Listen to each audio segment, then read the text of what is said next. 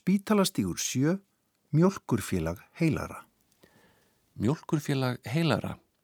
Svo nefndi sig hópur fólks sem hittist á Spítalastíg sjö kvöld eftir kvöld, ár eftir ár á þriðja áratug síðustu aldar eins og Sigurjón Jónsson kemst að orði í brefi til bókmyndafræðingsins Stefáns Einarssonar og Sigurjón heldur áfram. Þarna voru til dæmis Guðmundur G. Hagalín, Haldur Kiljan Lagsnes, Stefan frá Kvítadal og Þórbergur Þórðarsson.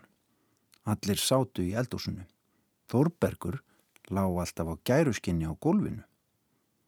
Þarna var rættur hinn nýri skálskapur og pólitík.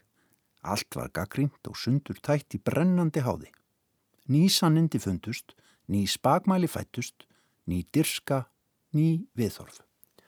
Húsráðundur voru Hallbjörn Haldursson prentari og rittstjóri Alþjóðblaðsins og eiginkona hans Kristín Guðmundardóttir sem rak hárgræslustofuna Hollywood.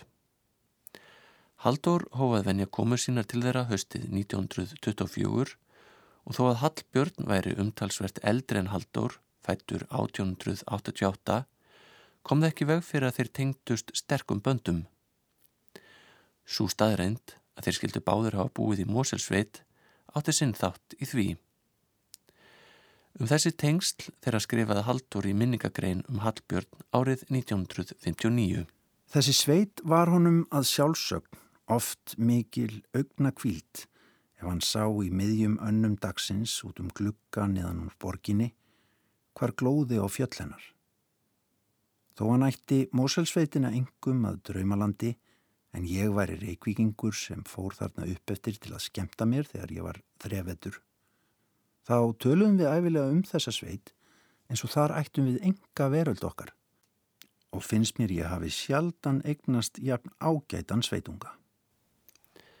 Kristín var haldur ekki síður kæri en einmaðurinnar. Þannig fekk hún að kalla hann Dóra en það fengu einungis mammans, sýstur, Hallbjörn og aðri þeir höfðu þekktan þegar hann var lítill drengur.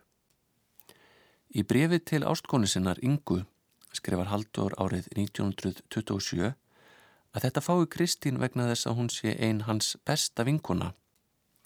Kristín skrifaði Haldur líka skemmtileg bref til Hollywood og þau varpa ljósi á enga húmor þessa félagskapar sem einkendist af vísunum hingað og þongað og kostulugum viðunöfnum sem þau festu á menn innan sem utan hópsins.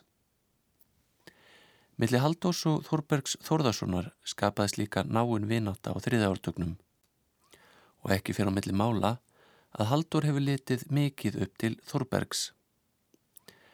Milli þeirra gætti líka tókstritu þeirra framliðu stundir og samkeppni eins og oft vil verða melli skálda. Þorbergur ljast 1974 og skömmu eftir það skrifað haldurum kynniðir af virðing og hlýju í endurminningabókinni Ungur ég var.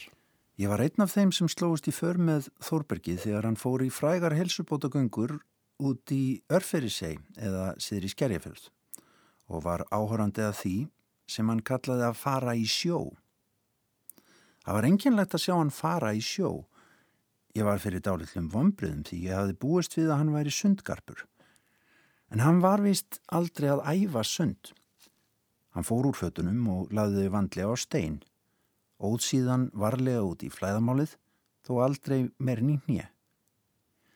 Beði sér nýður og tók sjóvatni lóa sér og bar á sig hér og hvar um skrokkin eins og gíktar áburð. Kunningskapur minn við Þórberg var að öðru leiti kindugur. Þar sem ég var alger grænjagsl en hann lungu fulltíða og orðin kennari við málsmetandi skóla. Förður þessa gáfaða og sérvitra manns verða seint taldar. Nú hveðjum við spítalastík sjö og höldum á laufásveg 25.